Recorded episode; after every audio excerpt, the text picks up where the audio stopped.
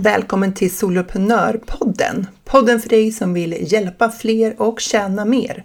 Jag heter Jill Nyqvist och det är dags att skapa stordåd.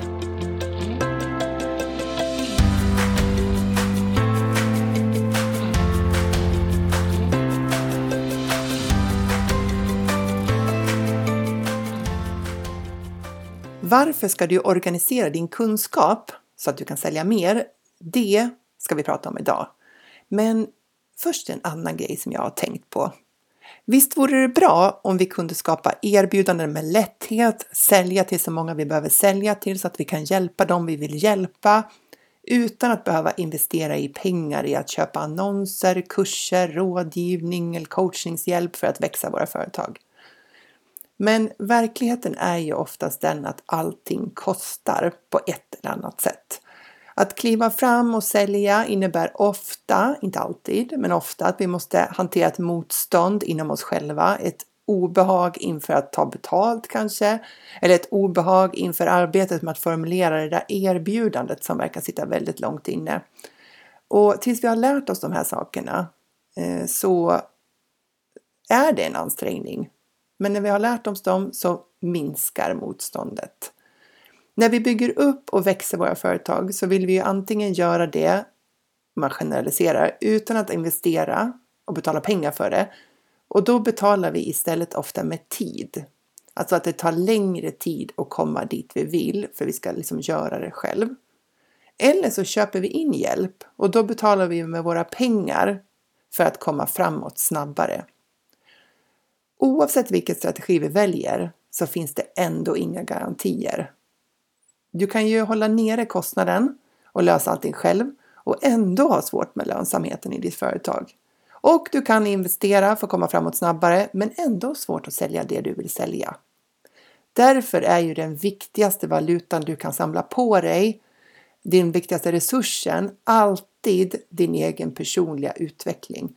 För det krävs en hel del av dig, av oss som driver företag och du klarar alla de här vägvalen och utmaningarna så mycket bättre när du har lärt dig hantera dina egna tankar och känslor.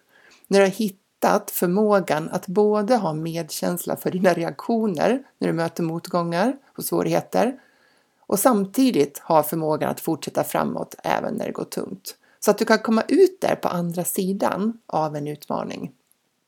Och det här innebär ju inte att det behöver vara ett slit hela vägen. När vi lär oss att se våra framsteg, hylla de liksom framgångar vi faktiskt gör, även de små, så blir ju hela den här resan så mycket roligare och vi skapar också bättre resultat när vi klarar av att göra det där. Om det fanns någon form av genväg runt det här, någon form av snabbfix som inte kräver att vi kliver utanför vår egen trygghetszon, ja, då skulle jag varmt rekommendera den. Jag skulle vara helt för den, både för din del och för min del.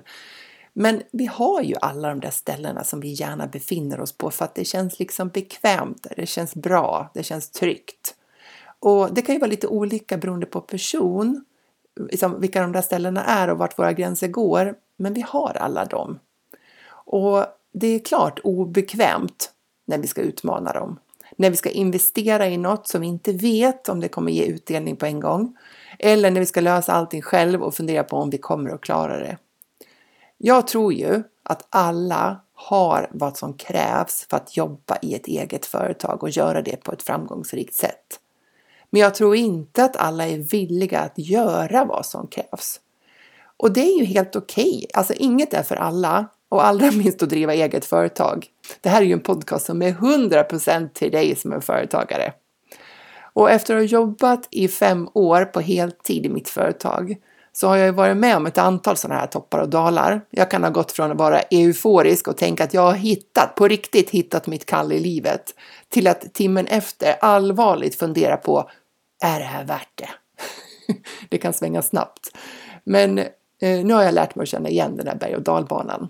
Och eftersom det är fantastiskt och på samma gång utmanande den här vardagen så har jag satt ihop en helt ny föreläsning för dig den ger dig fem strategiskt viktiga beslut som du behöver fatta för att skapa ditt drömföretag online.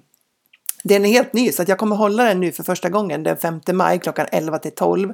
Eh, och det är ett helt gäng anmälda redan, vilket är superkul. Vill du också vara med så hoppa in på solopreneur.nu på Instagram eller på min hemsida för att anmäla dig.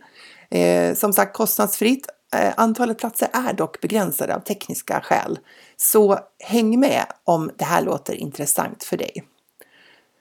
Men så till dagens ämne då. Alltså varför ska du organisera din kunskap? Ja, stämmer det att, att du hjälper dina kunder genom din kunskap och dina erfarenheter? Då har ju du en kunskapsdriven företagsidé, tänker jag. Du säljer inte produkter som i prylar för att lösa människors behov eller problem. Du använder din kunskap för att lösa deras problem. Och när det handlar om att utforma tjänster till dina kunder Eh, både att liksom komma på de här tjänsterna, men också att producera dem och leverera dem. Vad blir viktigt då? Jo, din förmåga att organisera all den kunskapen du har i ditt huvud och paketera den på ett sätt så att den kan levereras till din kund. Det handlar om att verkligen använda hela din expertis på ett sätt så att den kommer till nytta för din kund. Vanligen pratar jag ju om att du behöver kliva ur din roll som expert inom ditt ämne och sätta på dig marknadsföringshatten. För att vi pratar om digital marknadsföring, vi pratar om försäljning och så vidare. Men i det här läget, då är det tvärtom. Här behöver du djupdyka i din expertroll. För hur kommer det sig att du kan det du kan? Är det genom att du har studerat på högskola, universitet? Är det genom kurser du har tagit, böcker du har läst, problem du har upplevt eller löst själv? Alltså är det genom dina personliga erfarenheter som du kan det du kan? Är det genom insikter du har fått av att ha hjälpt dina kunder med problem? Är det genom coaching och rådgivning som du själv har fått? Kanske är det så här genom att lyssna på podcast eller ljudböcker. Förmodligen så är det så att du är i din expertroll genom, alltså, genom alla de här eller stora delar av alla de här områdena. En kombination av teori från olika håll till praktik på olika sätt. Och det här med teori och praktik är ju lite viktigt i det här sammanhanget. För teori är ju något som du har läst dig till eller fått det berättat för dig. Det är teorier, modeller och kunskap. Och praktiken är ju insikterna du fått när du omsatt det här i din egen vardag. När du har gått från, att teori, eh, från ett liksom, vad ska säga, teoretiskt koncept till att sitta där och göra jobbet. Och det är ju här det blir riktigt intressant. För det är ju här teorin träffar den, liksom, den mänskliga upplevelsen av teorin. Och det är här du verkligen förstår hur det är att omsätta det här i vardagen. För det är en sak att veta någonting och en annan sak att göra det. Tänk dig att du ska lära dig simma. Du kan ju lä läsa böcker om simning och du kan kolla på Youtube på filmer om simning och du kan lära dig om hur musklerna samverkar när du tar ett simtag, teorin kring varför vi flyter i vatten, vilka tekniker som är viktiga när vi ska simma, olika simsätt, vilken kroppskonstitution som är mer lämpad för simning än någon annan, vilka övningar som kan göra på gymmet för att öka förmågan att simma länge och snabbt. Nu kan jag ju inget om simning, jag gillar inte att simma, så det kanske var ett dåligt exempel. Men min poäng här är att vi kan lära oss en hel del om att simma utan att någonsin ha doppat tån i vattnet. Om vi, utan att ha tagit ett enda simtag själv, skulle lära andra hur de ska simma på ett effektivt sätt, så kommer vi att lära dem utifrån de här insikterna. De teoretiska insikterna. Och vi kommer låta kompetenta och insiktsfulla, för vi pratar om teknikerna på en teoretisk nivå. Men vad som ofta händer när vi undervisar om något som vi inte själva har erfarenhet av är att vi kan känna oss som en bluff. Vem är vi att prata om det här? Vi har inte ens gjort det själva. Vi har inte simmat ett simtag i en bassäng och nu ska jag lära ut hur man simmar på tusen meter. Det kan kännas ihåligt och det är lätt att börja tvivla på sig själv. Men det här är ju vardagen för så många yrkesgrupper, typ nästan alla. Poliser har ju inte erfarenhet av att jobba som polis när de börjar. De har ju gått på polishögskolan och lärt sig. Sen går de ut och utövar det här yrket med full rättighet och hanterar människor som möter problem som de aldrig har mött själva. Och läkare har ju inte upplevt alla sjukdomar, tack och lov, som deras patienter har upplevt. En domare har ju inte upplevt alla brott som de sitter och dömer och kan det vara så att de här personerna i alla de här yrkena ibland också känner sig som en bluff. Jag tänker att förmodligen. Bluffsyndrom är ju ingenting som bara drabbar soloföretagare. Men vi kan ibland drabbas av det omvända. Många av oss som hjälper andra med våra kunskap kommer inte från en universitetsexamen inom just det området. Du kanske har en högskoleutbildning, men den kanske är inom ett helt annat område. Så var det för mig, eller så är det för mig. Jag har ju gått på universitet och jobbat i många år inom det som jag var utbildad för då på universitetet. Jag läste media och kommunikationsvetenskap. Och så har jag jobbat inom kommunikationsområdet som anställd. Men när jag började jobba som egen, då var det ju inom ledarskap jag tänkte mig att jag skulle hjälpa till. Ett område som jag inte har någon formell utbildning inom. Och det handlade om utmaningen att vara förälder till ett barn med ADHD som jag ville hjälpa till med. Ett område som jag hade noll utbildning inom. Inom båda de här områdena, ledarskap, föräldraskap, hade jag omfattande egna erfarenheter. Och det var ju dem jag började dela med mig av. Och kanske är det så för dig också. Att du är i motsvarande läge. Du har kunskaper som kommer från dina erfarenheter, men du har ingen formell utbildning inom det. Jag kommer ihåg första gången jag skulle hålla en, eh, jag tror det var tre timmar lång föreläsning för en, eh, eh en verksamhet i Stockholm där, där det jobbade eh, barnpsykologer och eh, arbetspedagoger och ja, det var en massa kompetenta, eh, väldigt utbildade människor som jobbade där. Och jag var så nervös. För vad skulle jag stå inför de där läkarna och de där barnpsykologerna och berätta om eh, kring mina erfarenheter som förälder till barn med ADHD? Vad, vad, kunde jag, så här, vad kunde jag ha och ge dem som de inte redan visste? De som hade all den här utbildningen och mötte så många föräldrar i sin vardag. Kalla mig skräckslagen. jag, jag, jag vet inte, jag var så nervös inför den där föreläsningen. Och till sist, efter jag vet hur man ältar saker när man ska göra någonting som man är nervös för, och till sist så landar jag ju bara i så här, det är ju inte så att jag är anlitad, för det var ju ändå de som hade liksom anlitat mig att jag skulle komma dit och gett mig uppdraget. Det var inte så att jag skulle komma dit och ge dem teoretiska kunskaperna kring vad som händer i barns hjärna när de har ADHD.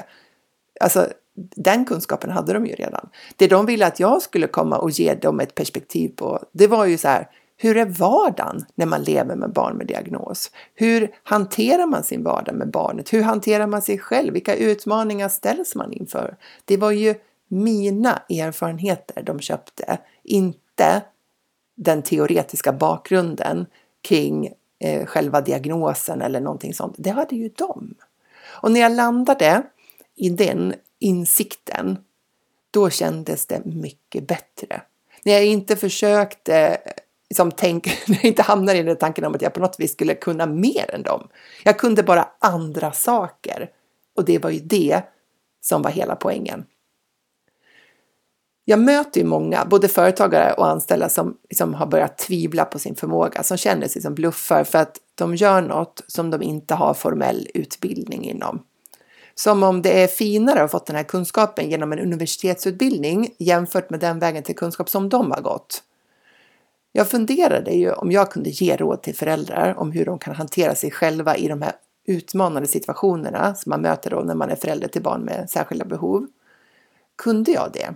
Verkligen. För jag var ju varken psykolog på BUP eller arbetsterapeut eller någonting annat för den delen. Fick man ens göra så? Sen insåg jag att jag behövde inte vara psykolog, kurator eller läkare. Jag behövde ju bara vara mig själv. För jag hade någonting unikt att bidra med som psykologer oftast inte hade. Jag hade upplevelsen av att försöka hantera den här vardagen som förälder. Och jag hade alla de där misslyckade försöken att hantera mig själv och min son tillsammans. Liksom. Jag hade det med mig. Jag hade tonvis av exempel där jag hade misslyckats. Och jag hade tonvis av exempel där jag faktiskt också hade lyckats. Jag visste hur det kändes att stå där som mamma och uppleva det här, hur jag kände mig, vad jag tänkte, vad jag gjorde. Jag hade upplevt den här tröttheten, frustrationen, känslan av att det var överväldigande svårt oron för framtiden. Men jag hade också upplevt glädjen när det gick bra, sett framstegen. Jag hade gått i samma fälla om och om igen och jag hade till slut lärt mig hur jag skulle undvika just den där fällan. Och till sist förebygga att det uppstod det där problemet överhuvudtaget. Jag hade exempel efter exempel från min vardag om hur det har gått dåligt och varför och hur det har gått bra och varför. Och det var ju mitt bidrag. Det var ju där jag kunde göra skillnad. Och kanske är du också där. Allt det där du har med dig, kanske också från ditt område. Och har du inte det och du kommer från teorin och inte har egna upplevelser av det där, då kan du klä alla de där teorierna och modellerna med exempel från dina kunder. Kunder som du har mött som har gjort sig samma typ av upplevelser som jag just beskrev. Och de, de får bli ditt ombud för att förstå hur vardagen ter sig när man är i det problemet. Men det är lätt att känna sig som en bluff när vi kommer från erfarenhet, för då saknar vi teorin. Och när vi kommer från teorin, då känner vi oss som en bluff för att vi saknar erfarenheten. det är inte lätt att vara människa, va? Men hur som helst så kan all din teoretiska kunskap och alla dina praktiska erfarenheter inte komma andra till del. Du kan inte hjälpa andra om du inte har organiserat den, paketerat den så att du kan på ett tydligt, klart och precis sätt överlämna allt det där till din kund på det sättet som hjälper din kund. Och här behövs ju både pedagogik och kommunikation. Du behöver kunna ta ett helikopterperspektiv på all din teoretiska kunskap och all din praktiska erfarenhet jag ser framför mig att du kan åka upp i luften och så ser du ner på allt du vet inom just det här området. Allt du varit med om inom det här området och ser det som en ja, jag såg en äng av blommor och på den här ängen så finns det ju massor av olika blommor. De är så röda, gula, blå och det finns gräs i olika höjder. Det finns stenar som sticker upp och det finns ojämnheter i marken. Allt det här är olika delar av din kunskap eller dina erfarenheter. Och du kan tänka dig att du sorterar upp den här ängen. Blå blommor för sig, röda blommor för sig, höga växter i en grupp, låga växter i en annan, stenbumlingarna för sig. All din kunskap grupperar du och tänker ut hur den hänger ihop. Vad är det som ger vad? Vad börjar man med? Vad är viktigt att tänka på under den här fasen? Jag vet inte, funkar den där ängbilden för dig? Eller är det bättre, eller bättre kanske att tänka på all din kunskap som en livsmedelsbutik? Alltså allt du lärt dig, allt du erfarit i både teori och praktik är som varorna i en butik. Och när du är klar med att organiseringen, alltså ja, med att organisera all den här kunskapen, eh, då har du fått till de här olika avdelningarna i butiken. Du har mejeri, du har frukt och grönt, du har bröd, dryck och så vidare. Och beroende på vad kunden behöver så kan du guida dem till de här olika avdelningarna. Törstig? Ja, vi har drycker över här, här borta. Eller i mer övergripande termer, vill du må bättre, ät mer från den här avdelningen och undvik varor från den där avdelningen. Ja, jag vet inte. Oavsett vilken bild du ser framför dig, eh, om du skulle ta det här helikopterperspektivet på din kunskap, så behöver du organisera den. Och jag tänkte inte så mycket på det här med att eh, medvetet organisera mina kunskaper tidigare. Eh, inte förrän jag läste ett citat eh, i en kurs som jag gick faktiskt från eh, Napoleon Hill. Alltså kursen var inte från det, men citatet fanns där från Think and Grow Rich. Och då var citatet då så här. Allmän kunskap, oavsett hur mycket det finns eh, eller i hur många varianter, kommer inte att attrahera pengar. Kunskap kommer inte att attrahera pengar om den inte är organiserad och smart strukturerad i praktiska handlingsplaner. Så, från Think and Grow Rich då, Napoleon Hill. Och det är ju vad vi gör hela tiden. Vi paketerar vår kunskap så att den kan komma till nytta för andra. Och vi gör det eh, olika medvetet och vi gör det liksom på olika bra sätt. För en del kommer ju det här naturligt vi är ju lite olika i hur vi tänker. En del ser direkt vilka områden och kategorier, eller som jag ofta kallar dem, då, fokusområden som deras kunskap kan liksom grupperas och organiseras i, eller kategoriseras. Andra behöver jobba mer för att hitta den här strukturen. Och jag hjälper ju ofta kunder med att paketera deras kunskap. För många av dem jag hjälper är oerhört skickliga i sin expertis, har ofta så här djup kunskap, både teoretiskt och praktiskt. Även om allt inte alltid kommer från högskoleutbildningar. Och när vi sitter där och diskuterar deras upplägg i onlinekurser eller modeller för vad de lär ut så brukar det här helikopterperspektivet uppenbara sig när man jobbar med det här. Och jag brukar beskriva det som att det finns en kärna i deras budskap och erfarenheter jag tänker ju i bilder, så jag ser det lite grann som en kub, all den här kunskapen och erfarenheten. Och vi kan titta in i den här kuben utifrån olika perspektiv beroende på från vilket håll vi tittar, alltså från vilken sida av kuben vi tittar, så ser vi lite olika saker. Många letar efter en paketering som ger den perfekta strukturen för hur de ska organisera sitt företag, sin kunskap, sin kurs, medlemstjänstprogram. Men det finns ingen struktur som täcker alla våra behov. Väljer vi det ena sättet så får vi liksom vissa nackdelar med det och väljer vi det andra så får vi andra nackdelar med det. Information som inte passar in eller verktyg som vi använder för att hjälpa våra kunder som blir svåra att placera i den modell vi har valt. Saker som passar på flera ställen inom flera fokusområden och så vidare.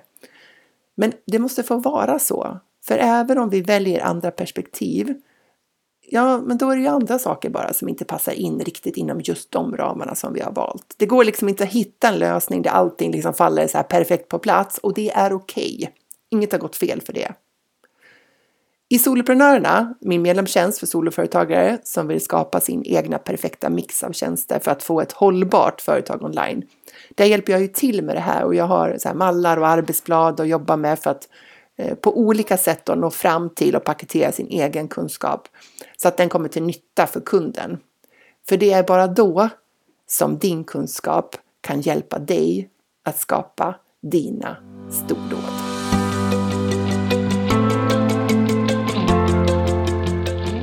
Stort tack för att du lyssnar på Soloprenörpodden. Jag är så glad att ha dig här. Du får jättegärna lämna mig en review på iTunes och ratea podden. Ge den fem stjärnor om du tycker att den är värd det, så hjälper du mig att sprida den till fler. Eller varför inte ta en skärmdump på det här avsnittet och tagga mig på en story på Instagram, solopreneur.nu.